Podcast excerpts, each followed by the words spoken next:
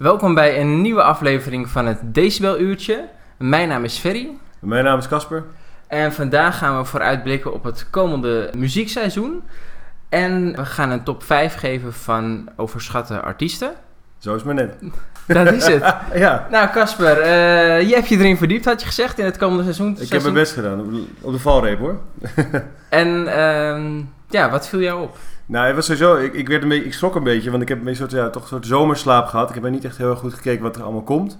En ik ontdekte dat er allemaal leuke dingen komen en ook best wel snel. Wat er voor mij uitsprong, bijvoorbeeld is de opera Das Wunder der Helianen van Korngold. Wordt in eh, Antwerpen en Gent uitgevoerd, vanaf september al. Dus ik zit echt heel erg in dubio. en ik- Daar moet ik eigenlijk nog wel, eh, wel heen, want het is een heel bijzondere, heel mooie opera die echt nooit ergens gespeeld wordt.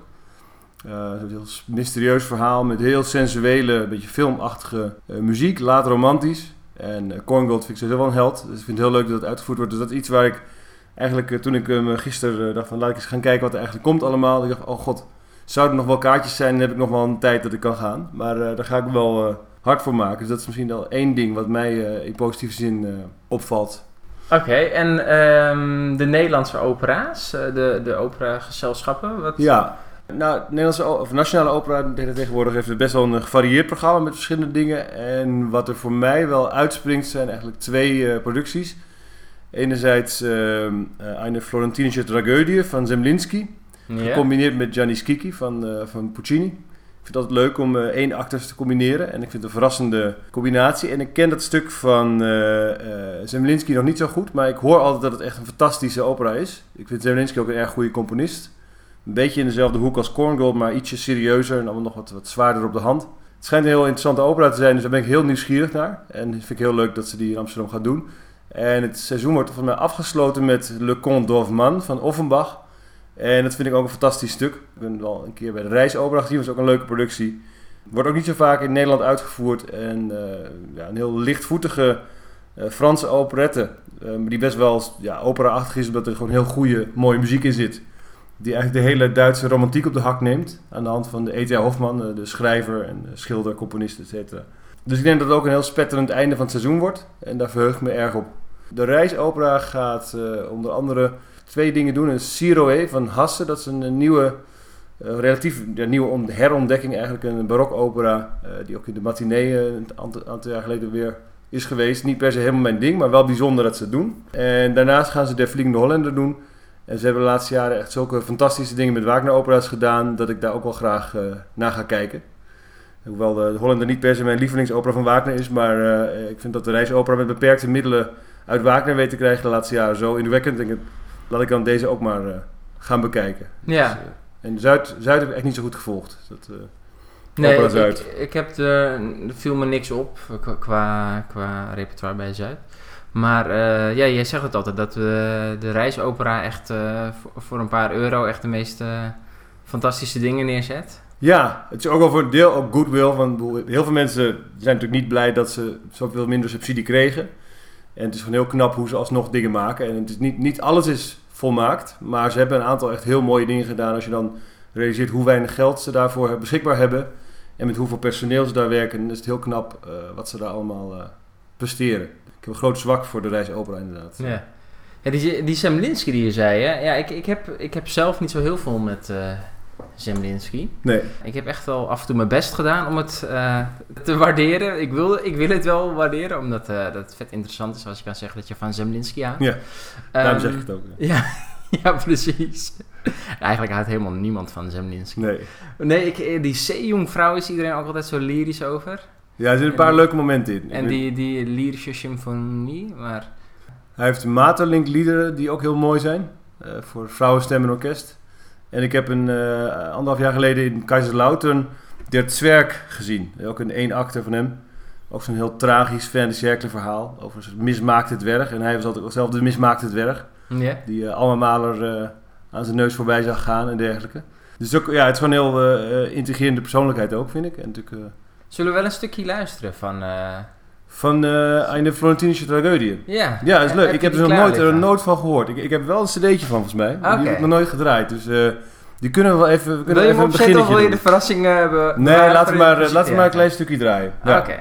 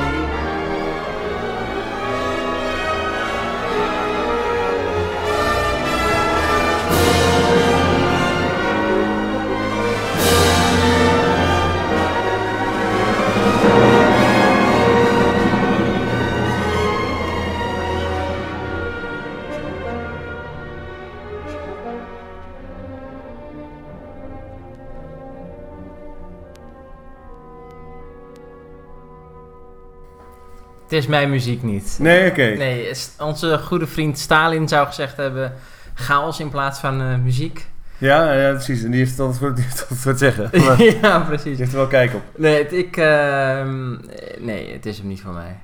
Ja, ik vind het moeilijk om te beoordelen op twee minuten muziek. Het is niet zo dat ik denk van, op basis van die twee minuten van eh, wat je met andere opera's hebt van wauw, hier, hier wil ik nog uren naar luisteren. Nee. Maar het is wel, eh, het is mooi georchestreerd. Eh, het is echt typisch van die Weense Vindercercle muziek. Het begon nu net een beetje rustig te worden toen we het afzetten. Ja, Wie weet kwam er nu wel iets heel moois. Dus dat zou zomaar kunnen. Alexander een beetje tekort gedaan. Ja. Maar eh, Sorry nou ja, Alex. ik eh, wil hem alsnog wel graag gaan, gaan horen en vooral ook zien. Nee, ik, ik krijg er een beetje jeuk van. Dus ik, ik denk dat ik hem oversla.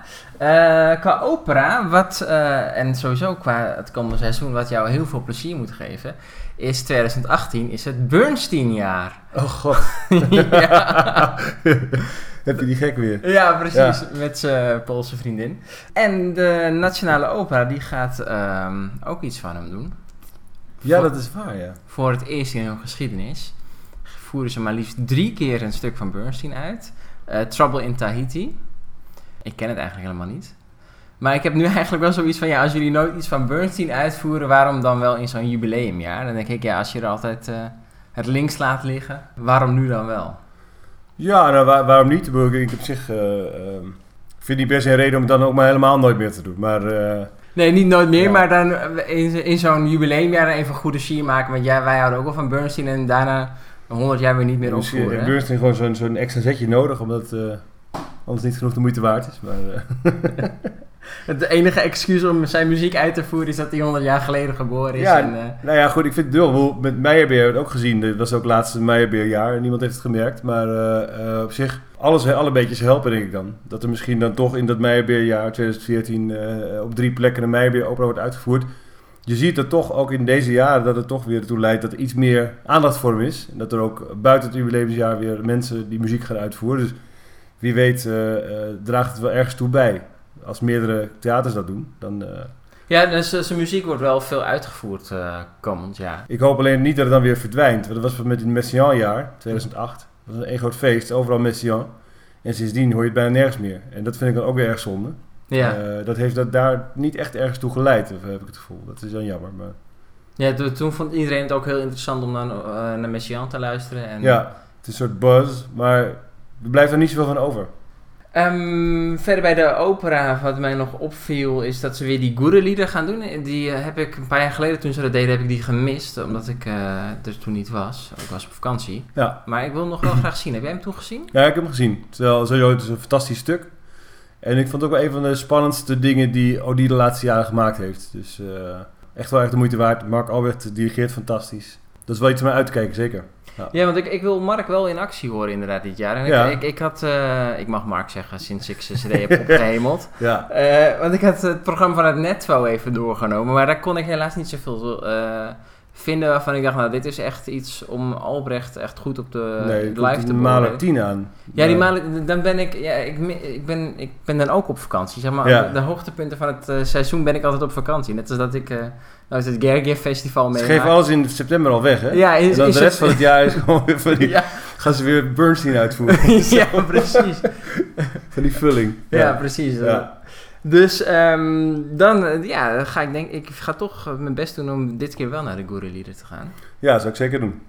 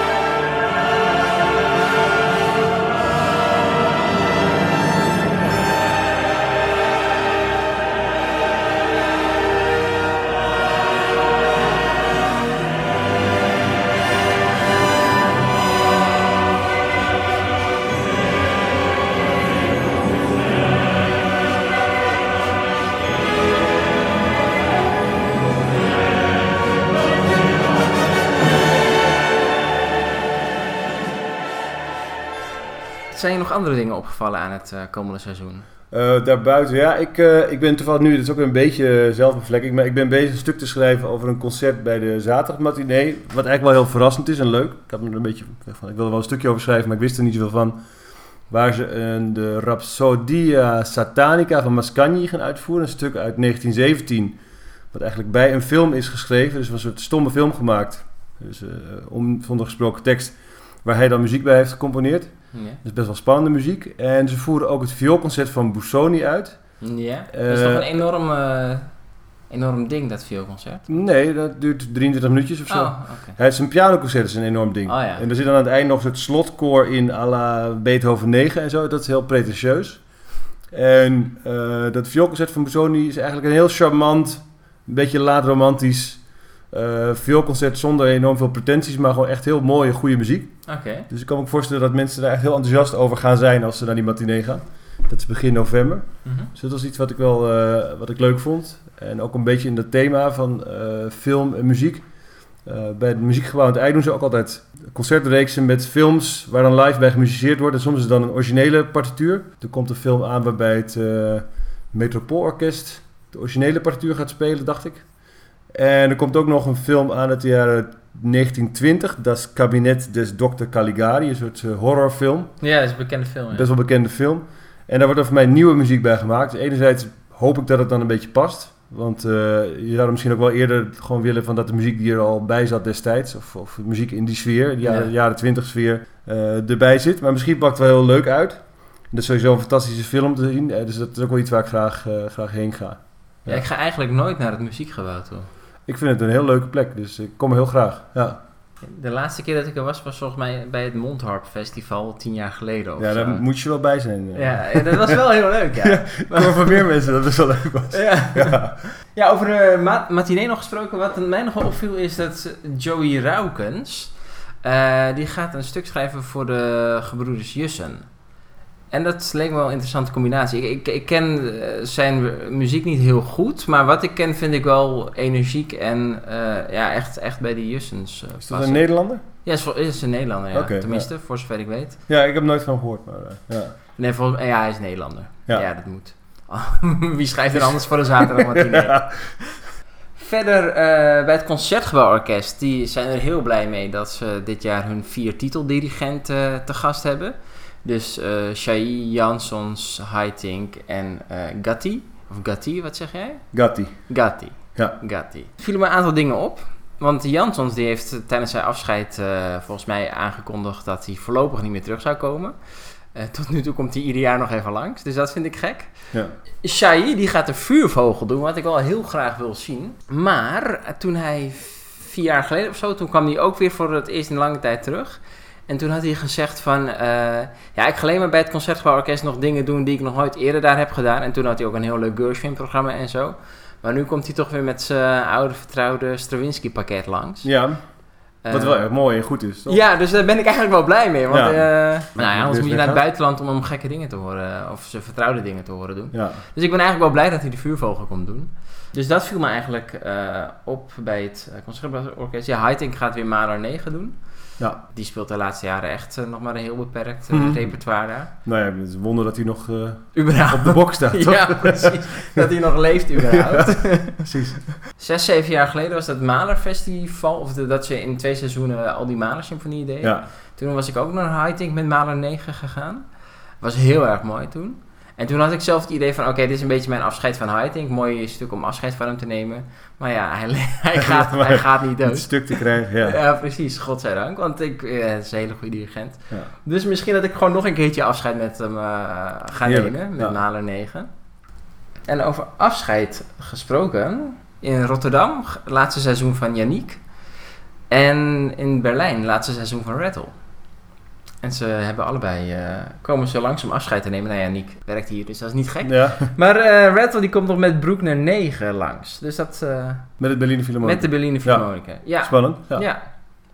Nog andere, misschien negatieve dingen die je zijn opgevallen? nee, die waren voor straks, toch? De, de negatieve dingen. Nee, Ja? ik, bedoel, ik heb niet heel veel ontzettend negatieve dingen. Nee, dat vind ik moeilijk. Oké, nee, ik- er viel mij wel één ding op. En dat het Orkest van het Oosten. Eh, nou ja, die hebben het natuurlijk niet makkelijk gehad. Ook omdat ze twaalf keer van naam zijn veranderd. en voor mij krijgen ze geen cent subsidie meer. En dat zie je echt wel aan hun programmering. Het is wel echt, echt tragisch eh, hoe ongeïnspireerd en onavontuurlijk. Music for the Millions. Ja, het is echt. Ik heb het even opgeschreven. Ze doen dit jaar Dvorak 9, Mendelssohn Vioolconcert, Verdi Requiem, Tchaikovsky 4, de Eroica, de Matthäus, de Symfonische Dansen van Rachmaninoff. Het is echt alles wat bekend is spelen ze. Ja. Op zich leuk voor uh, onze oostelijke mensen. Maar uh, je mag wel af en toe een noot spelen die niet iedereen kent. Ja, zeker. Als je toch zo'n uh, zo'n klapper in je programma hebt, kun je misschien wel iets, al is het maar een kwartiertje, toch wel even een gek stuk tegenaan zetten. Maar ja, ik denk die mensen hebben het waarschijnlijk niet makkelijk. Dat, nee, nou, dat dit nog de manier is om, om alleen maar met de uitverkochte zalen geld te verdienen. Want, ja, waarschijnlijk wel. Misschien is het gewoon noodzakelijk. En, ja, maar ik vond het heel onavontuurlijk. Ja, ik heb geen idee wat het publiek daar verwacht, hoe avontuurlijk ze ooit zijn geweest. En, uh, ja. Nou ja, over uh, orkesten in de, in de gekke zones, uh, of buiten de Randstad, zeg maar de boerenorkesten. Ja. het Noord-Nederlands orkest doet wel altijd avontuurlijke dingen. Ja, maar die heeft mij een heel trouwe achterban. Die ook, echt, die ook gewoon geen nood luistert van mensen die niet, van, van muziek die niet door het Noord-Nederlands orkest gemaakt is. En daar, ik geloof dat daar ook geen, geen enkel ander orkest gaat nog naar Groningen toe, bij wijze van spreken. Want ze staan dan met de rotte tomaten al in de rij. er gaat niks boven ons Groningse orkest. okay, ja. Dus uh, misschien helpt dat wel mee. Dat, als, als mensen toch uh, dolpje zijn, dan kun je ook af en toe eens een risico nemen. Ja, precies. Ik ja. zag namelijk ook in het, in het kader van het mooie Bernstein jaar dat gaat komen... dat ze zelfs een programma gaan doen waarbij ze muziek van Michael Jackson spelen. Noord-Nederlands? Ja. Oh, geweldig. Ja. Ik zag nog Star Wars langskomen uh, ja, bij Dennis Philharmonisch. Ik, dat, dat gaat Ferry vast wel noemen. Ja, nee, dat viel me sowieso op. Dat, dat bijna vroeger, toen uh, werd er echt volgens mij een beetje neergekeken op filmmuziek. Mm. Uh, in de orkestwereld. Want ja, tenminste, filmmuziek was ook mijn toegang tot de klassieke muziek.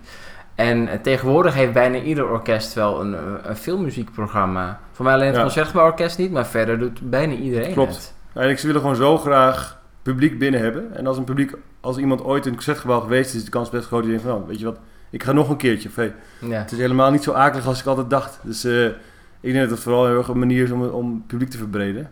In de hoop dat je dan toch, dat er misschien een paar mensen blijft plakken. Ja, ik, ik, ik wou dat ze dat uh, 10, 15 jaar geleden deden. En dan had ik echt al die concerten bezocht. Ja, nu heb je geen tijd meer. Nee, nu ben ik te snobistisch daarvoor. uh. Nou, dat was het tenminste. Of heb jij nog iets toe te voegen? Nee, voor mij, ik, ik, heb, ik heb niet alles kunnen uh, uitzoeken, maar ik, ik, heb een paar, paar dingen die... oh ja, wel één ding nog, uh, ook over de grenzen nog. Uh, ik heb het al vaker een pleidooi gehouden voor Heinrich Marschner. In Essen, waar Nederlands intendant aan de slag is, Hein Mulders...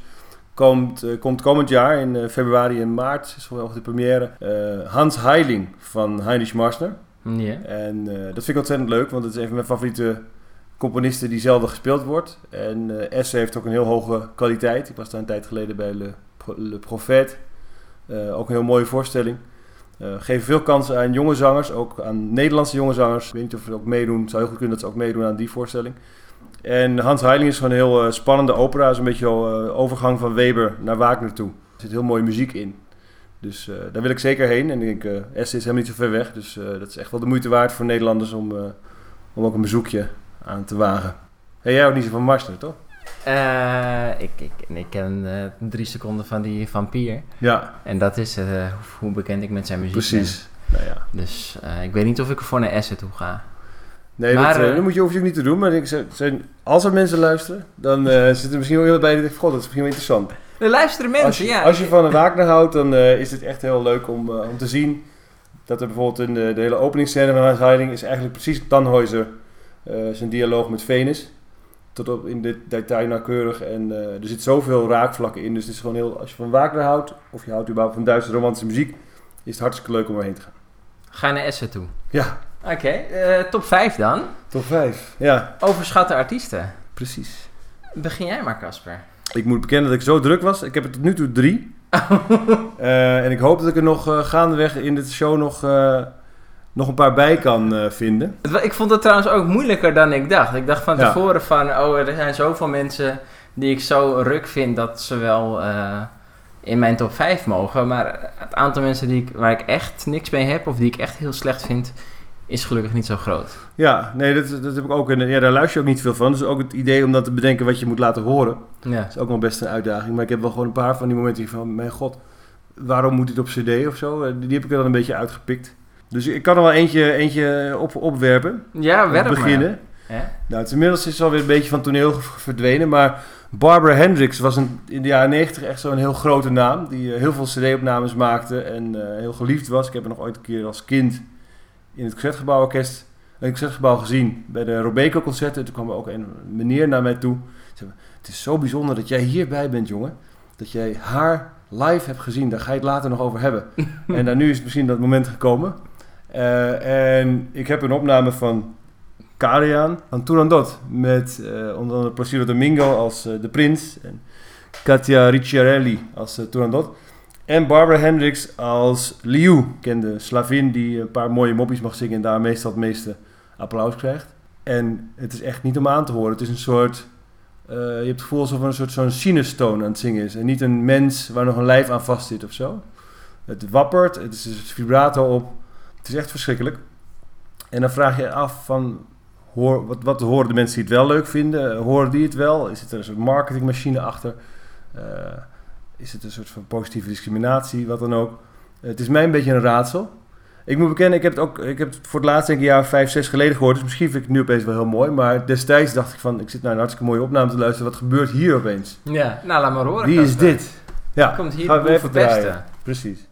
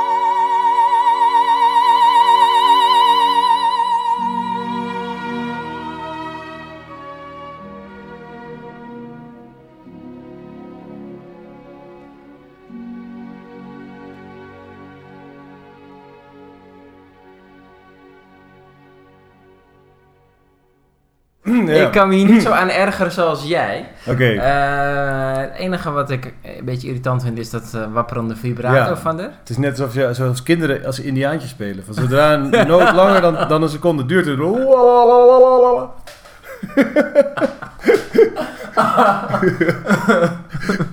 Vooral die hoge noten. Ik vind het algemeen gewoon echt verschrikkelijk. Dat, dat is ook iets wat misschien wel terug gaat komen in deze top 5. Dat partijen te licht bezetten omdat iemand eenmaal bekend is of een leuk gezicht heeft. eh, eh, dat is een van de grootste misdaden tegen de muziek. En het is ook, ik van dit soort van Susanna uit Le Nozze di Figaro die in Turandot beland is. En dat vind ik echt eh, heel akelig. En het was niet zo extreem als ik, als ik me destijds herinnerde, maar als ik wel weet van wat deze aria kan zijn en hoe je die kunt zingen en hoe spannend en mooi dat kan zijn, dan is het toch wel een enorm slappe hap, vind ik. Ja, de magie ontbrak wel echt. Hè? Ja. Het, het was, eh, ja, het was niet bijzonder. Maar het komt deels ook door Karian, die ik over het algemeen erg goed vind en die het ook wel heel traag en een beetje tam dirigeert. Ja, ik zag die cd liggen. Ik dacht, je gaat toch niet Karian afbranden vandaag, hè? Nee, dat is een van mijn grote helden. Dat, eh, dat, dat wordt al genoeg gedaan door de wereld. Ja, Eh, nee, ik ben ook echt Karian is wel- mijn, mijn geuzenheld. eh, ja, Ja, ik vind hem ook wel goed, hoor. gelukkig. Ehm, mijn nummer 5 is Callas. En Maria Callas. En niet zozeer omdat ik haar super slecht vind. Maar meer dat, dat gedweep met haar en iedereen die haar zo fantastisch vindt. eh, daar kan ik vooral heel slecht tegen. Eigenlijk net als met de Matthäus. En ik heb nu, als je nu opnames van haar luistert, dat ik echt heb van ja, dit kan gewoon niet meer. Dit is gewoon echt passé. Zo zingen, dat, eh, dat doen we niet meer. ja, Callas was mijn nummer 1. Echt waar? Ja, dus die is nu wel eruit. ja, ik dacht wel, ik moet Callas snel erin rammen, want ik denk, het kan zomaar zijn dat Casper ook... eh, Ja, nee, precies, die ben ik al kwijt. Maar ik vind Callas eh, op alle fronten echt verschrikkelijk. Eh, inderdaad, ook al qua techniek. Ik vind het ontzettend overdreven en gemaniereerd en extreem. En ik vind dat gedweep ook heel vervelend. Dat mensen allemaal zo erbij zweren. En ja, inderdaad, die opnames het klinkt gewoon helemaal nergens naar. Het is overdreven. Ik hoor nooit meer, ik hoor alleen maar Callas. Maar zodra, net als sommige acteurs, als die een rol spelen, zie je alleen maar die persoon van de acteur. In plaats van Ja. dat ze, je denkt van, dit is een geloofwaardige vader, een geloofwaardige held of weet ik wat. Ja, dat heb ik altijd met Tom Hanks. Tom Hanks is altijd Ja. Tom Hanks, vind ik. Ja, dat is niet best ook. ik vind het met eh Callas, bij Callas zit ook vooral in de overdrijving en die enorme alle aandacht naar zich toe trekken. ja. Dus zodra ik een opname van haar hoor, dan hoor ik echt niks meer behalve haar. En als je, als je dat dan vervelend vindt, dan is het gewoon echt eh, heel erg akelig. Dus ik ben het volledig met je eens. Mooi. Heb je nog een le- leuk lelijk fragment erbij? Eh? Nee, ik heb, niet, ik heb geen lelijk fragment erbij. Wat- Wat, me voor mij ook nog helpt met haar sterrenstatus en waarom mensen het fantastisch vinden om naar haar te luisteren, is omdat ze haar persoonlijke leven was ook voor mij best wel tragisch. En Ja. eh, dat spreekt mensen volgens mij ook aan. Van, oh, het was zo'n ongelukkige vrouw en oh, ze heeft de liefde nooit gevonden en ze is eenzaam doodgegaan. Het is wel een mooi verhaal, maar het is alsnog niet dat het dan prettiger wordt om naar haar te luisteren. En ik vind het vooral, de, ik vind het allemaal heel erg hysterisch hoe er over haar gedaan wordt. Ja, nee, dat, dat heb ik ook. Ja. Eh, dus jij hebt er nu nog maar twee over. eh. Nou, ik heb er ondertussen weer een paar bedacht. Ik heb eigenlijk bijna alleen maar mensen met stemmen, dus ik weet hoe erg dat is. Dat is niet ik, erg ik hoor. erger me nooit zo heel erg aan, eh, aan instrumentalisten en dirigenten en zo. Daar moet ik veel harder over nadenken. Ja, nee, ik heb, nou, dat maak ik straks wel goed. Oké, gelukkig. Ja. Nog zo'n vreselijk iemand. Eh Fischer Disco. Oh ja. Dietrich van, eh, van voornaam. Dat is voor mij ook een soort heel een voorbeeld van een soort slagzangers. Ook iemand die ontzettend, ontzettend gehyped is. Die aan het begin van zijn carrière een paar ja, sensationele opnamen heeft gemaakt die mensen helemaal geweldig vonden. En toen eindeloos maar door is blijven gaan en eigenlijk alles kon opnemen wat hij maar wilde, omdat hij zijn naam eraan kon verbinden. En dat is typisch zo'n zanger die dan denkt, weet je, ik kan een Schubert lied zingen, dus ik kan ook wel Wagner en Verdi zingen. Ik heb hem nooit live gehoord, dus je weet niet hoe of iemand op het toneel ook op de been blijft of niet. Maar ik vind op cd ook vaak al dat het zo overdreven is en gemaniereerd. Ik vind eigenlijk de enige rollen die Fischer Disco goed kan spelen zijn gestoorde types. Wat Wozzeck heeft hij erg mooi gedaan onder Carl Beum. En eh, hij zingt Gunther in Götterdämmerung onder Zolti. En Gunther is ook zo'n halve zool. En dat past heel goed. Maar zodra hij een karakter heeft waar je enige sympathie mee zou moeten voelen... of die je enigszins interessant zou moeten vinden, dan eh, is het helemaal niks. En ik heb een voorbeeldje van dat hij eh Iago zingt in Othello, Othello van Verdi onder eh, Sir John Barbirolli. Opname uit de jaren 70 of zo. Ja, 1970.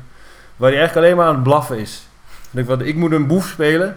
Ik ga het zo overdreven. Er zit helemaal geen enkele lijn meer in. Alleen maar van eh, eh, dat verschrikkelijke woord voor woord. eh, en in dit geval ook nog heel erg overstuurd en overdreven. Zoals een soort van heel grote hond probeert, probeert op te zingen. En ik heb zo vaak meegemaakt dat je in een cd-winkel... Dat, dat mensen eigenlijk al een cd willen hebben omdat zijn naam erop staat. En Ja. dat, je moest dus weten. Dat is, het- dat is het vaak met vocalisten ook. Hè? Dat mensen er helemaal lijp van zijn. En als je ook maar enige kritiek erop hebt... Ja. Nou, je zou Ik net bedoel, zo er zijn ook gewoon heel goede, net zoals van eh, iemand als Domingo, vind ik geweldige zanger, maar er zijn echt heel slechte opnames van hem, die moet je absoluut niet hebben. Maar mensen die verheerlijken dan eh, alles van wat iemand heeft gedaan. Ja. Terwijl eh, dat wisselt gewoon. Dat is echt onzin. Nou, laat maar eh, de belachende Stukkie? Fischer-Rieske aan De horen. blaffende vis. De blaf. Even kijken hoor, waar die ook in staat.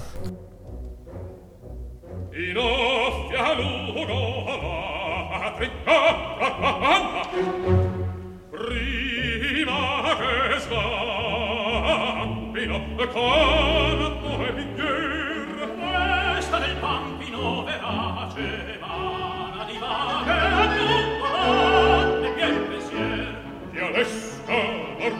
e ti dirò sarà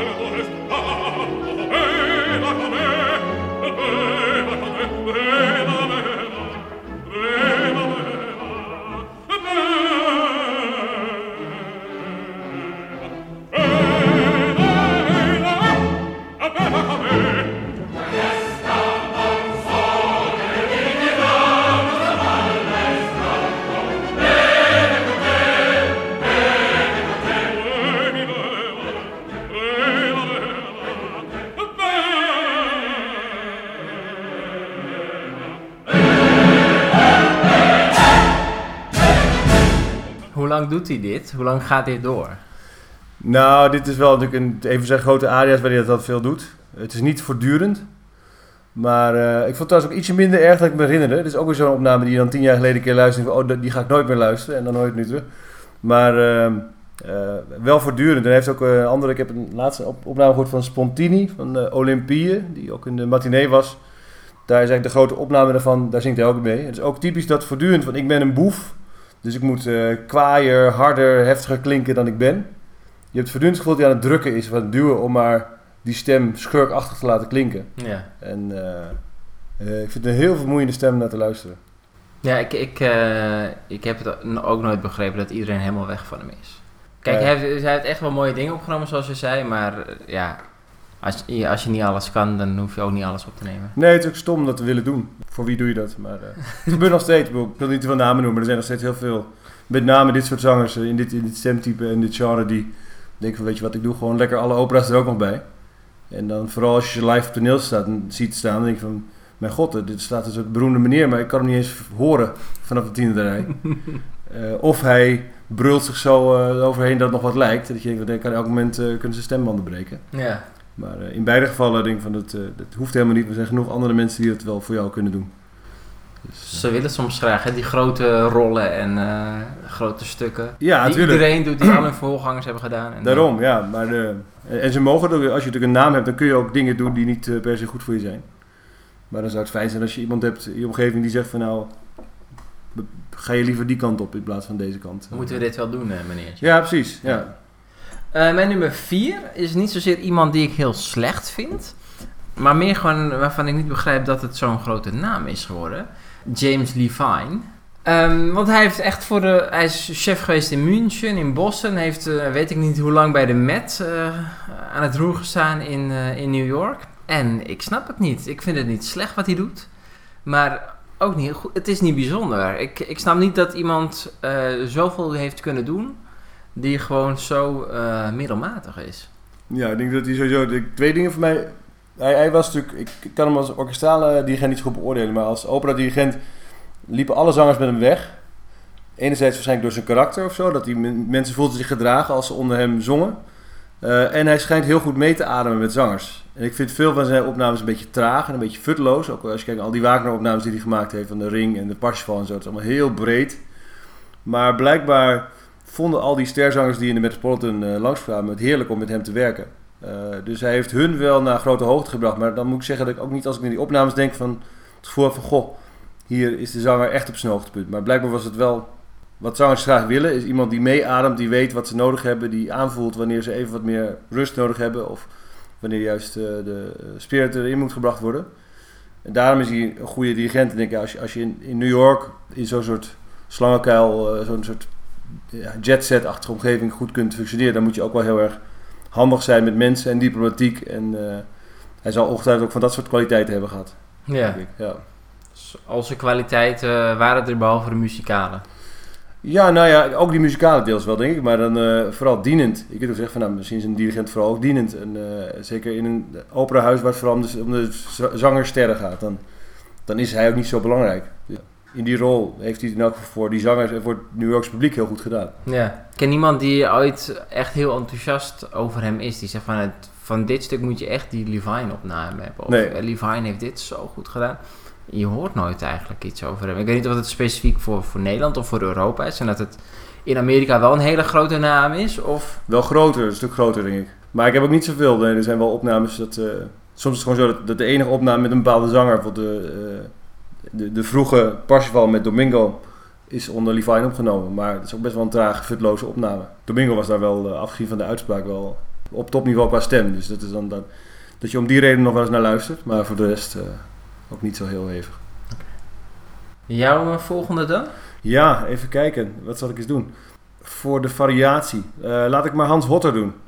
Eh, dat is geïmproviseerd, maar Hans Hotter is de grote Wotan van, eh, van de Salty Ring. En Mhm. de Salty Ring is ook de ring. Dat is ook zo'n typisch een voorbeeld van een, eh, een opname die zo'n soort helemaal verheerlijk wordt als de enige echte opname van de, van de ring. Terwijl er zijn ontzettend veel goede opnames, dus dat vind ik altijd een beetje overdreven.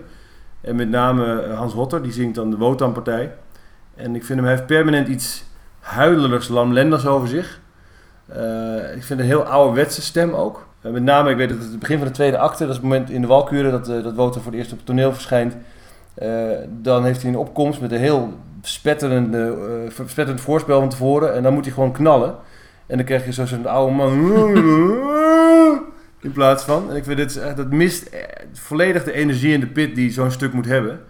En tegelijkertijd zweert iedereen bij Hans Hotter aan zijn winterreizen en zijn Wotan en zijn Goernemans. Het is allemaal zo fantastisch mooi.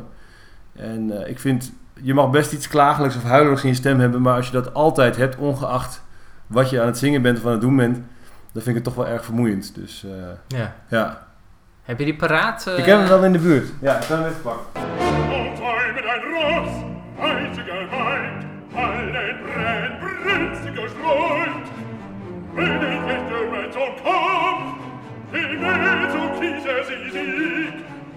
Und sich, gehört nach Fallhall, taugte mir nicht. Um Rissig und Fasch, breiteter Fasch, Weet jij hoe oud hij was toen hij dit eh Hij klinkt als 80. Ja, zo klinkt hij inderdaad. Het is een beetje alsof hij voor het laatst op het podium staat en hij mag nog één keertje eh, de, de ring zingen. Maar dat vind ik ook de grap. Dat, dat als je dit laat horen, dan is dit, is dit van de amateurvereniging eh, uit een soort klein Duits dorpje of zo. En dit is dus de ring waar iedereen bij zweert. Die in alle kranten wordt, wordt aangeboden van als je de ring wil hebben, dan moet je deze hebben. En deze man zingt dus bijna de helft van de tijd op 14 cd's. Krijg je deze meneer eh, voor je kiezen. dus ja, ik vind het echt onbegrijpelijk. Maar dat, dat is echt een extreem voorbeeld eh, van dat mensen zo op oordelen afgaan en zo weinig Tenzij dit, ik ken ook mensen die vonden dit echt mooi. Ik heb wel eens dan dit stukje vergeleken met iemand anders. eh, Thomas Stewart, die het onder Karajan zingt. Die een iets kleinere, maar veel frissere, kernachtige stem heeft. En daar knalt het echt. En sommige mensen vinden dit dan mooier. Maar ik vind echt dat je dat... Een soort hoogbejaarde man die het nog een keertje probeert. Ja, Ja. Want w- welke ring vind jij beter dan die van Solti? Want inderdaad, iedereen zegt dat je moet Solti hebben. Ja, dat vind ik niet. Ik vind de Götterdämmerung van Solti erg goed. Die is heel mooi. Waar dus ook uh, Fischer in schittert. Als een gek. Ehm, ik vind de Karian over het algemeen behoorlijk mooi. Ehm, de Janowski is ook erg goed. Eh, in elk geval voor delen. Daar zingt eh, René Kolle op zijn absolute hoogtepunt de, uh, de Siegfried-partij. Dus dat vind ik erg indrukwekkend. En ik zit te kijken, ik heb er geloof ik 15 staan. Dus ik moet nu even nadenken welke het allemaal nog wel, eh, wel goed zijn. Maar qua eh, wat oudere opnames, ja, de, de, de Beum is ook best mooi. Die is wat, eh, wat ouder en die is live opgenomen. Dus dat is qua geluidskwaliteit iets, iets krakkemikkiger. Maar over het algemeen wel allemaal heel goede stemmen en eh, er zit veel, eh, veel pit in. Dus eh Beum is altijd een heel energieke Wagner-dirigent. Dus dat is Ja. ook wel fijn. Niet zo breed en niet zo traag. Door naar mijn nummer drie. Murray Pryor. Yes. Ik heb, uit mijn top 5 heb ik eh, maar twee mensen eh, live gezien. En Murray Pryor is er één van. Op een of andere manier neemt Heiting hem heel vaak mee. En ik hou wel heel erg van Heiting, maar Murray Pariah mag mij gestolen worden. Het is vlak, het komt totaal niet over. Echt emotieloos is het. Hij speelt echt de noten keurig perfect, allemaal achter elkaar zonder fouten. Eh, dat is het. Dat is ook iets zo iemand waar mensen echt helemaal lijp van worden. En waar de cd-boxen niet aan te slepen van zijn. Van zijn Beethoven-sonaten en dat soort dingen. En nul emotie. Mhm. Nou, hij is met typisch hij, cultiveert het ook een beetje. Hij, heeft dat over, hij, leest heel veel Schenker. Dat is zo'n manier die heeft bedacht van wat de essentie van eh, muziek is. Dus het komt eigenlijk neer op drie tonen en dat leest hij allemaal. En, eh, hij is iemand die super abstract ermee bezig is. En dat ook heel erg eh ehm, verheerlijk bij wijze van spreken. Dus ja, ook niet iemand waar ik graag naar luister. Ik ben typisch een beetje zo iemand die doorgeslagen is in het authentiek willen zijn. Of eh, in het uitschakelen van de romantische expressie. Ik, Ja, maar- ken, ik ken niet zoveel, maar ik weet wel een beetje, ik weet meer over wie hij is en wat hij doet dan, dan wat voor muziek hij eigenlijk maakt. Ja, de- dat je die romantische expressie wil uitschakelen, ja prima. Doe Ja. dat lekker bij Bach inderdaad, Mhm. wat hij wat hij ook heeft opgenomen. Maar als je Beethoven en Schumann gaat spelen, ja, dan mag je wel een klein romantisch sausje opzitten Ja. van mij. Ja, absoluut. Ja. Ik, ik heb hem echt twee keer gezien volgens mij en ik heb echt twee keer te pletter verveeld. Dat is echt niet goed. ja. Wil je nog wat van hem luisteren? Of, eh? Ik weet ik denk het een beetje zondig in mijn leven hoor. ja, ik ook. Ik, dat is wel echt het nare van deze top 5 moet, eh, moeten maken. Want ik heb echt Kort houden. slechte muziek gehoord de afgelopen weken. Ja. Zeg. Al die muzici die er niks van bakken en die allemaal platen mogen of mochten Gelukkig maken. had ik heel weinig tijd om voor te bereiden, maar Ja. dat, dat is een nee, ik, beetje... heb, ik heb mezelf echt gepijnigd af en toe. Dat ik dacht, wat was dit slecht zeg. Nou, waar ik ook aan moest denken in dezelfde licht, maar ik, ik ga nu maar een beetje improviseren, want eh, het is toch allemaal, mijn nummer 1 is me al afgepakt. Eh Andras Schief die eh Janacek op een overgroeid pad op, opneemt. ja? Dat is ook typisch een opna opname waar mensen dan bij zweren. Maar Andras Schief doet een grote Bach uitvoeren. En dan gaat die Janacek ook op een soort Bach-achtige manier uitvoeren. Gewoon heel erg houterig, helemaal geen nauwelijks pedaal, nauwelijks emotie, nauwelijks expressie. En er wordt soort tikmachine muziek van. En eh, ik weet dat sommige mensen erbij zweren. Dat is ook echt ook niet om aan te horen. Dat is typisch ook zo'n voorbeeld van... eh, het stoort mij ook wel vaak dat mensen die dan soort idee hebben over hoe je Bach moet uitvoeren... dat dan als een inktvlek over het hele repertoire uitspreiden. Van de, je kunt elke muziek lelijk maken als je dat wilt. Maar eh, bij sommigen is het misschien gepaster dan bij anderen. Ja. Dus dat, eh, dat, dat stoort me ook. Dus ik heb iemand als Andra Schief, in ieder geval die opname kan ik me herinneren dat dat eh, ook niet echt om aan te horen is. Ik weet wel dat, ze- dat we hem eh, op de cd-afdeling bij Broekmans heel veel verkocht inderdaad. Iedereen wilde die altijd Het was een hype, ja. ja. ja. Maar hij heeft ook ooit zo'n stukje erover. eh, zou het Paul Witteman zijn geweest? Ongetwijfeld. die Ik is grootste, wel. grootste Bach, Bach-liefhebber van heel Nederland, denk ik. eh, ongeveer. Paul Witteman, die moet daar ooit wat over geschreven Vast, hebben. ja. En dan, dan, ja, dan koopt iedereen het, want als Paul Witteman het zegt, dan, dan moet je het hebben. ja. Nou mensen, je moet het dus niet hebben. Nee. Wat moet je ermee? Door naar nummer 2 van mij dan? was jij of- ja, ja, jij ja. hebt opeens Ik doe maar wat. Je doet maar wat. Ja, net als... eh, Ik ben wel benieuwd wat jij van Glenn Gould vindt, of Gould. Oh, Glenn Als we toch een beetje in de pianistenhoek zitten. Ja, ik, ik ga straks nog weer verder met een pianist. Oh ja. Eh, slash dirigent. Spannend. Ehm Glenn Gould. Ik, nee, ik snap het niet, Glenn Gould. Ik, ik hoor wel dat... ehm, nee, ik heb het nooit begrepen eigenlijk, Glenn Gould. Ik vind het niet slecht. nee. Maar het is gewoon... Ja, dat- ook weer zo iemand die dan een beetje apart is. En dan eh, ook een interessant, interessant doenerij. En dat vinden dan mensen zelf ook interessant. Mhm. Want het was zo'n eh, apart figuur. Echt zo'n kunstenaar die dan eh, ook niet meer live optredens ging doen. En dat vinden mensen natuurlijk super fantastisch om dat Mm. soort dingen te vertellen. En dan gaan ze dat ook luisteren. Maar ik, ik heb het nooit begrepen. Ik vind dat heel cliché-authentiek, eh, ja. Ja. Nee, daar zijn we het over eens. Oké. Wil jij nummer twee? Ja, ik wil wel mijn nummer twee. Ik heb hem al eens een keertje hier genoemd. Dat is eh, Daniel Barenboim. Dat dacht ik al, ja, die zit er vast bij. Ja, nou ja, ik- over zijn pianokunsten wil ik het niet hebben, want nou, dat was al niet goed. Maar wat hij nog slechter kan is dirigeren. Het is zo lelijk wat die man doet.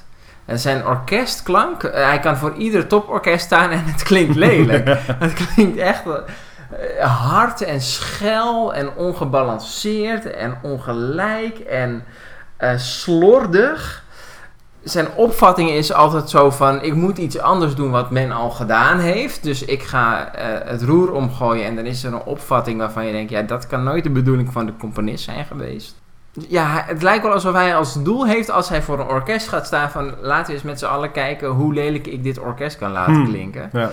En daarnaast is het zo amuzikaal als het maar zijn kan. Maar dat is ook weer zoiets van, ja, hij is heel erg bezig met Israël en Palestina en dat conflict en dat soort dingen. En voor Mm. mij vinden, vindt iedereen dat dan ook interessant van, Tuurlijk. oh, hij is zo bezig met, met de wereldvrede bewerkstelligen. Maar ja, als je dan zo'n Beethoven 5 hoort met het Ramallah-concert, nou, dat is echt niet om aan te horen. Die opening alleen al, die, die trek ik al niet. ja. Zullen we die stukje luisteren of wil jij nog eens ook Beethoven eventjes... 5 van... eh ja, nou, ik vind het wel leuk om even te horen. Nee, ik bedoel, ik vind ook, het is natuurlijk een soort politicus en ook typisch, net als James Levine, denk ik. Iemand die heel erg goed zich weet te handhaven in de society, eh, in het society leven en ook misschien politiek best, best nobele dingen doet. Eh, maar ja, ik heb niet zo'n heel erg beeld van hem muzikaal. Ik weet dat een eh, vriend van mij ooit in een koor bij hem zong in Berlijn. En dat ze toen nou ja, een groot stuk gingen doen. Geloof, eh, dus Requiem van, van Brahms, dat hij op een gegeven moment drie kwart van het stuk zei van... Nou ja, ik vind het wel mooi, we gaan lekker naar huis. Dat ze dus dat, het concert gingen zingen terwijl ze niet eens de laatste twee delen bij spreken hadden doorgenomen met het koor of zo. Ja. Dat, ze, dat heb ik echt nog nooit meegemaakt, dat een dirigent dat doet. Dat een dirigent niet eventjes de moeite neemt om, eh, om dat even met ons eh, door te nemen of zo. Eh, dus dat, dat klonk allemaal heel erg gehaast en weinig liefdevol en weinig zorgvuldig. Ja, nee, hij komt bij mij ook over als iemand die het interessant vindt om dirigent te zijn. Dat, dat hij zo, zo dat imago heeft aangemeten van ik ben dirigent. Mhm. Dan dat hij echt een dirigent is. Het is voor mij inderdaad meer een rol die hij speelt. Ja. Nou, zullen we die eh, Beethoven 5 even op? ja, leuk. Ja.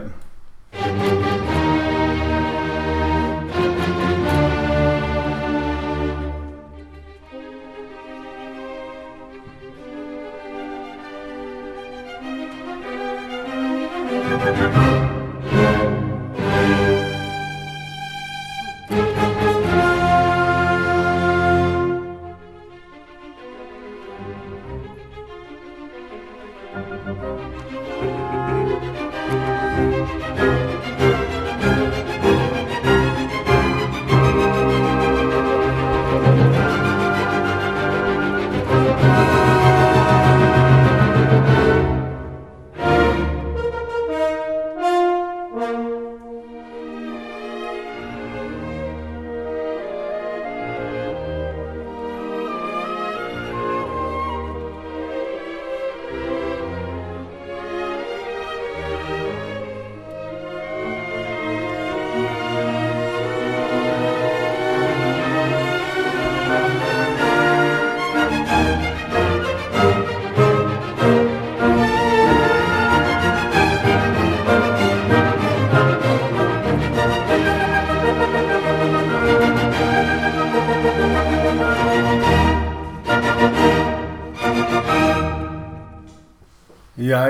was- het was niet zo extreem voor mij, maar ik hoorde wel, want ik vond dat die eh, hoorn of trombone, eh, de overgang naar het tweede thema, iets raars. Dat je denkt van, hij doet iets- iets raars, een beetje gemaniereerd. En er zit niet echt een soort van pit in. Het is Nee. soms wel snel of langzaam, maar het voelt niet een soort van een organische acceleratie.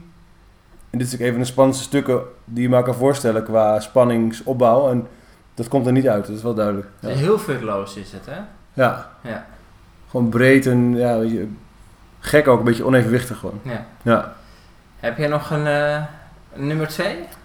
Had ik nou al nummer twee? Ik heb, ik heb een beetje gefreewheeld, hè? Je, je, hebt Eh, een beetje, je hebt gewoon gooi- af en toe een naam geroepen. Ik gooi een beetje de boel de war hier. Ja. Ja, ik wil nog wel... eh, ik, ja, ik heb nog wel nog, nog twee mensen bedacht die wel leuk zijn. Ik blijf wel in de zanghoek. Ehm, ik wil Klaus Florian Vogt wel eh, eh, nomineren. Ik ben een beetje bang. Ik weet niet zeker... eh, het zijn natuurlijk eh, mensen die nu al heel actief zijn. Dat is altijd een beetje riskant. Ik heb hem wel live gehoord. Hij is waker tenor met name. Daar is hij bekend mee. Sommige dingen heeft hij best mooi gedaan. Hij kan de helft van Parsifal erg mooi zingen.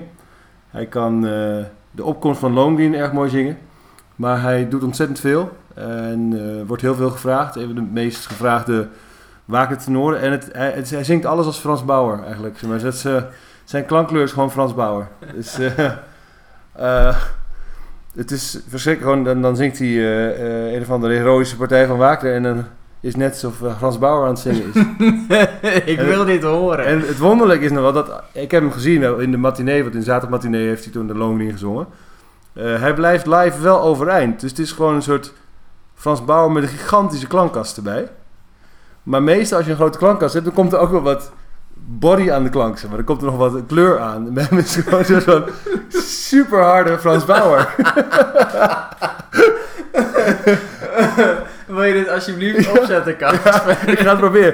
Ik ga even kijken. Eh, ik weet dat een, een, een, een, een bekende van ons die ooit aan dit eh, programma mee zou moeten doen, maar zich teruggetrokken heeft, die vindt het wel leuk. Maar ja, die, die heeft ook niet zo heel veel eh, ideeën over idiomatisch wakerzingen. Dus het is ook een beetje voor hem. Je weet wel wie. Ik weet Ik, hij heeft een cd opgenomen. Ik hoop dat hij een stukje walkuren heeft. Dat zou leuk zijn. Dat lijkt me het meest pijnlijk om te horen. Ik ga eens kijken.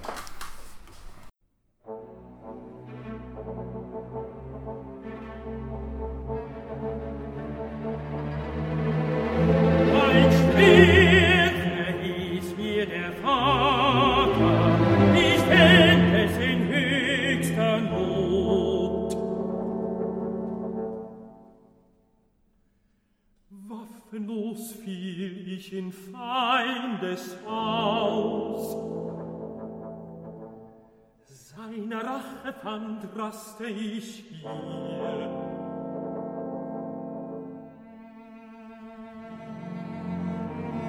Ein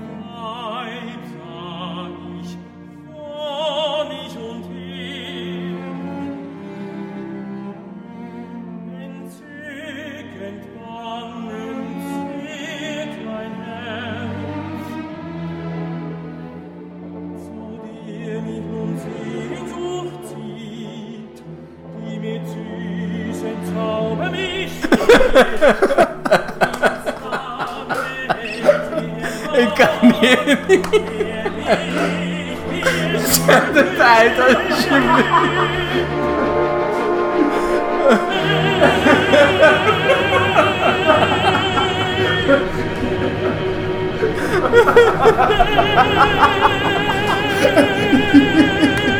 Een van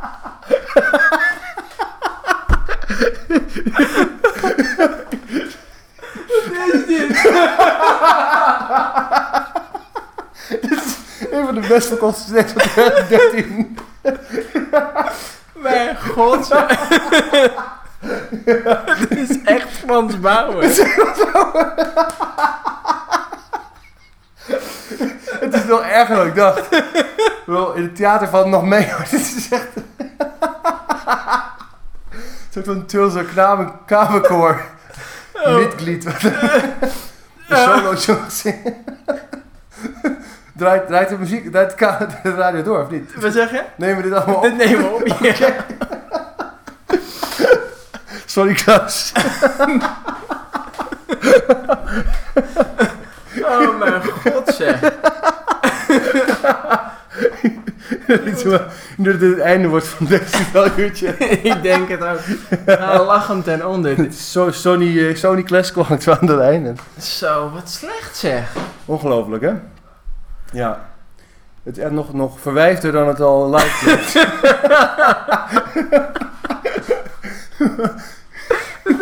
Heel erg. nou, ik heb nooit gedacht dat ik zo'n eh, effect kon bewerkstelligen. Nou, ik, kan eigenlijk niet meer, ik kan hier niet meer overheen. nee, ik, wil, ik was van plan om heel erg boos te gaan doen nu over een bepaalde dirigent, maar ik moet zo hard lachen. Dit- dat je dit dan opneemt en dan denkt van, ah, dit gaan we ook uitbrengen. Is best wel goed verkocht, hoor. en dit is voor mij ook typisch iets van de mensen die eigenlijk liefst alleen maar Bach-kantaten luisteren. Van, oh, je kunt Wagner ook zonder ballen zingen. Het is eh, in het verkeerde lichaam.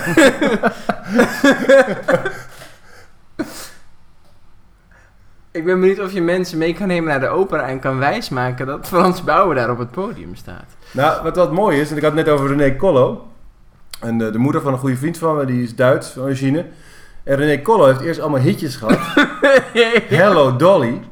Die is eigenlijk begonnen als popzanger. In van die superfoute jaren 60. Van die heel brave rock'n'roll. Eh Hello Dolly. Had hij nummer 1 hit mee in Duitsland. Toen ging hij op een gegeven moment de operette in. En toen belandde hij opeens in het Wagner-vak. En die moeder van die vriend van me, die, die was naar Nederland verhuisd. Die had niet heel veel klassieke muziek geluisterd. Die had niet echt eh, alles gevolgd. En die was toevallig in de buurt van Bayreuth. Met haar man denk weet je wat, we gaan, we gaan naar de Tristan in Bayreuth. Dat is wel bijzonder om te zien. En het doek gaat open. En er staat dus echt alsof Frans Bauer opeens het open. Je ziet opeens Frans Bauer. Dat is René Collo, die staat hier vaker te zingen. Dat is de grootste cultuurshock die je maar kan hebben. Alsof bij ons inderdaad, alsof uh, Leel Kleine opeens eh Wagner gaat zingen of zo. Of Jan Smit. Ja. Komt ook al wel in de buurt. dus eh, het moet allemaal kunnen. Ja, Mooi. ja. Laat je even op voor die woede over die Oh ja, ik moet eventjes helemaal iemand kapot gaan maken. Ja. maken. Ehm, ja, het is iemand waar ik ook echt nooit, eh, een dirigent waar ik nog nooit iemand enthousiast over heb gehoord. Ehm, ik heb hem twee keer live gezien. Het waren echt de twee slechtste concerten uit mijn leven, volgens mij. Mag ik een gokje wagen? Ja? Neem een Jervi. Nee, niet Nemejervi. Oké. Nee. En Nemejervi heb ik nog wel enige sympathie voor, omdat hij wel grappige dingen af en toe opneemt. Ja. Omdat hij gewoon alles opneemt eh, waar hij een partituur van vindt, volgens mij. Mhm. Nee, ik heb het over Lorin Mazel. Oh ja. Dat is echt zo'n belachelijk slechte dirigent. Hij, overal waar hij komt, maakt hij ook ruzie. Dat vind ik zo gek, dat, dat hij teruggevraagd Mhm. wordt. Bij ieder orkest waar hij komt, ook bij het Concertgebouworkest, maakt hij zo'n ruzie. Omdat hij zo'n gigantische ego heeft. Ehm godzijdank is hij dood. Maar ik heb, hem, eh, ik heb hem dus twee keer gezien. Ik heb hem één keertje, kwam hij met New York Philharmonic, kwam die eh, hier in Amsterdam.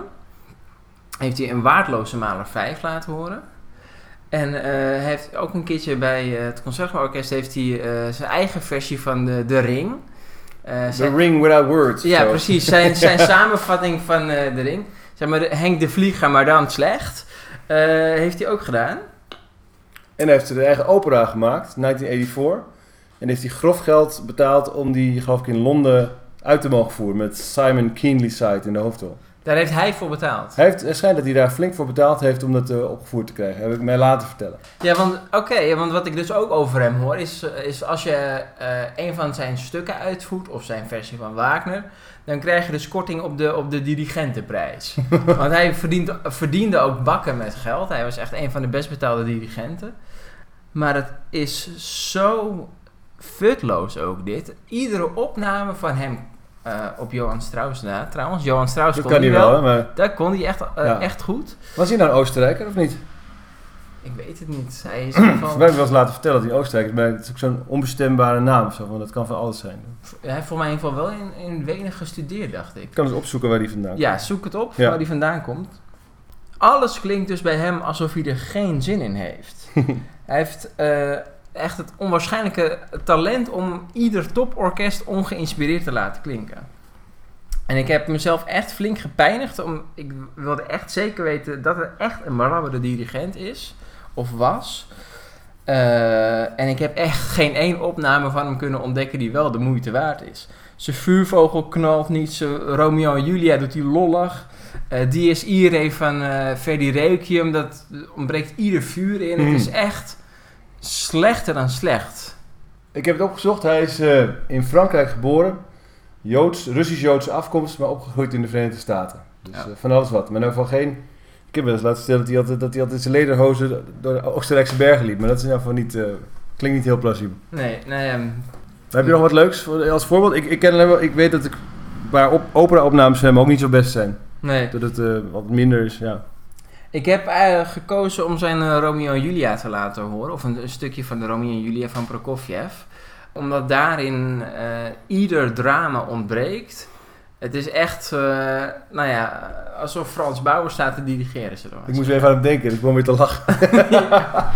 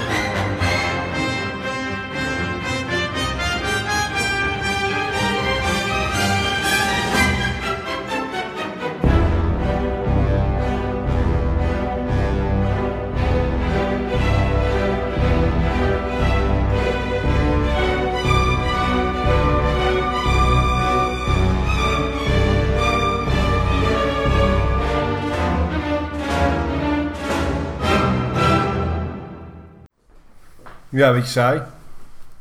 Plichtmatig. Ook niet, niet dat ik denk van wat verschrikkelijk slecht, maar gewoon saai. Van hij doet een beetje wat er staat en voor de rest niks. Ja, hij speelt echt de noten en eh, echt nul gevoel voor drama. Ik heb echt het idee dat hij geen idee heeft wat hij staat te dirigeren. Nee, precies. Maar dus even een stukje tussendoor in het, eh, in het ballet of zo. Van, eh, oh, dit, dit ken ik van Radio 4. Dus, Precies. Van de reclame of zo. ja, precies. Ja. Ja, Eh, dus dat was mijn nummer 1. Uh, Lauren Ja. Mazel, goed dat hij dood is. ja lang leven de doden. Ehm, ik heb nog wel iemand die een beetje, dan, eh Callas heb ik dus al, eh, ben ik al kwijtgeraakt, maar ik heb wel iemand die een beetje in dezelfde hoek zit van vandaag de dag. Die ik ook irritant vind en vooral de hele cultus om haar heen heel irritant vind. Ik hoop dat ik iets kan vinden, want voor mij kan ik het wel op YouTube vinden of zo. Of eh, misschien ook wel op eh, Spotify. Zal ik het gewoon laten horen? Of mag ik een gokje wagen? Je mag een gokje wagen. Dan denk ik uh, Anna Netrebko. Nee, Nee? nee? dat heb ik ook niet zo heel slecht. Oh, oké. Nou, Nee. laat dat maar horen. Oké.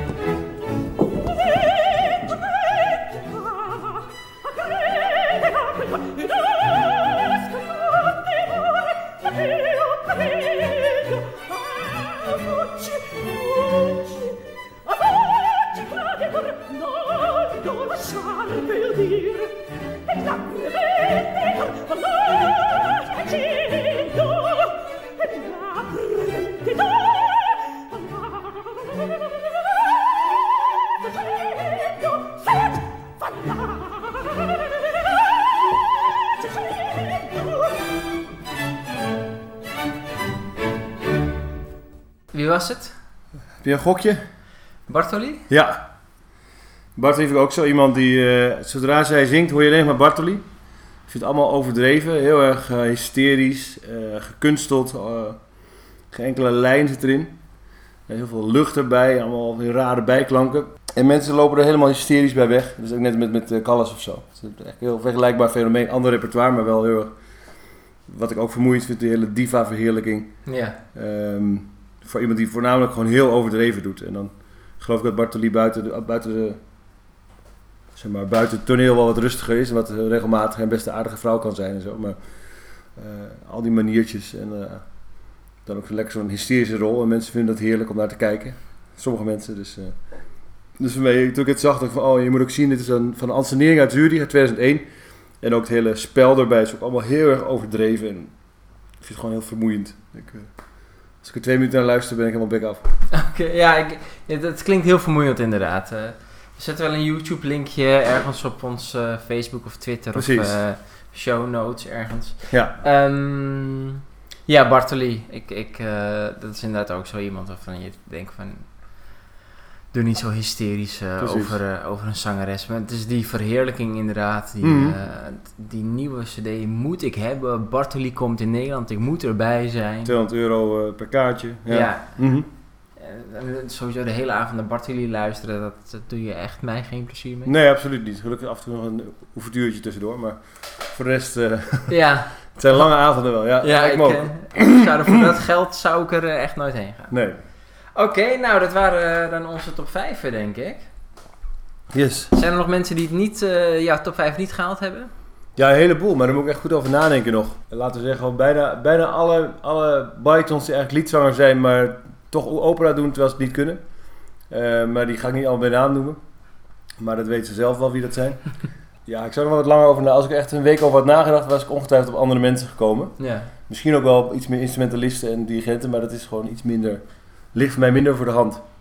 Ik weet dat inmiddels Gergiev gewoon soms gewoon heel slechte dingen maakt, maar af en toe ook weer heel goede dingen. Dus dat is gewoon heel wisselvallig, vind ik. Ja, Gergiev is heel wisselvallig. Dus in die zin is hij ook wel een beetje overschat, omdat hij gewoon ook structureel misschien wel iets te weinig aandacht besteedt aan zijn eh orkesten. Maar af en toe komt er ook wel iets heel moois uit. Dus eh, het is niet iemand die puur en alleen overschat is, denk ik. eh. Nee, ik, ik, heb hem, ik ben een keertje bij zijn eh, Requiem van Verdi geweest. En Ja, dat was ook. Echt, echt heel mooi vond ik dat. Ja, Ik heb hem ook een Maler 8 zien doen.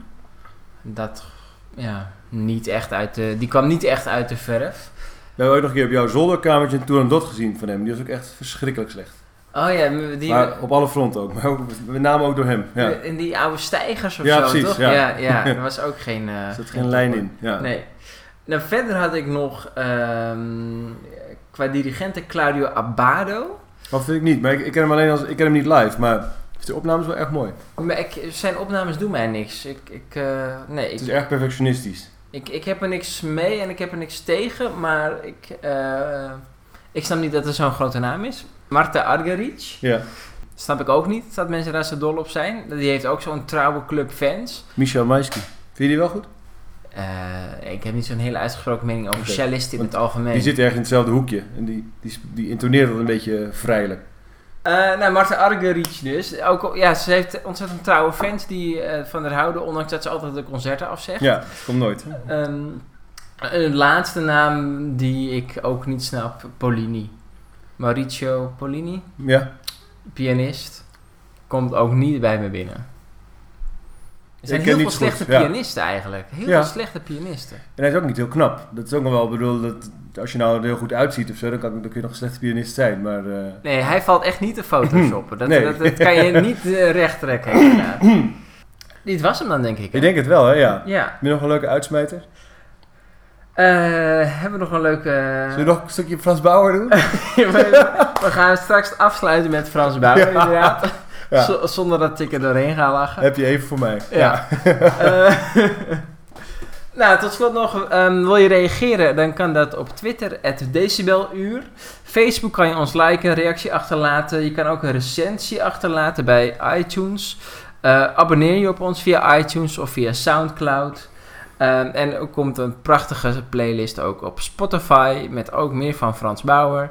Zoek ons op Decibeluur en je vindt ons daar. Nou, zet Frans maar aan, denk ik. Oké, tot ziens. The most beautiful sound I ever heard.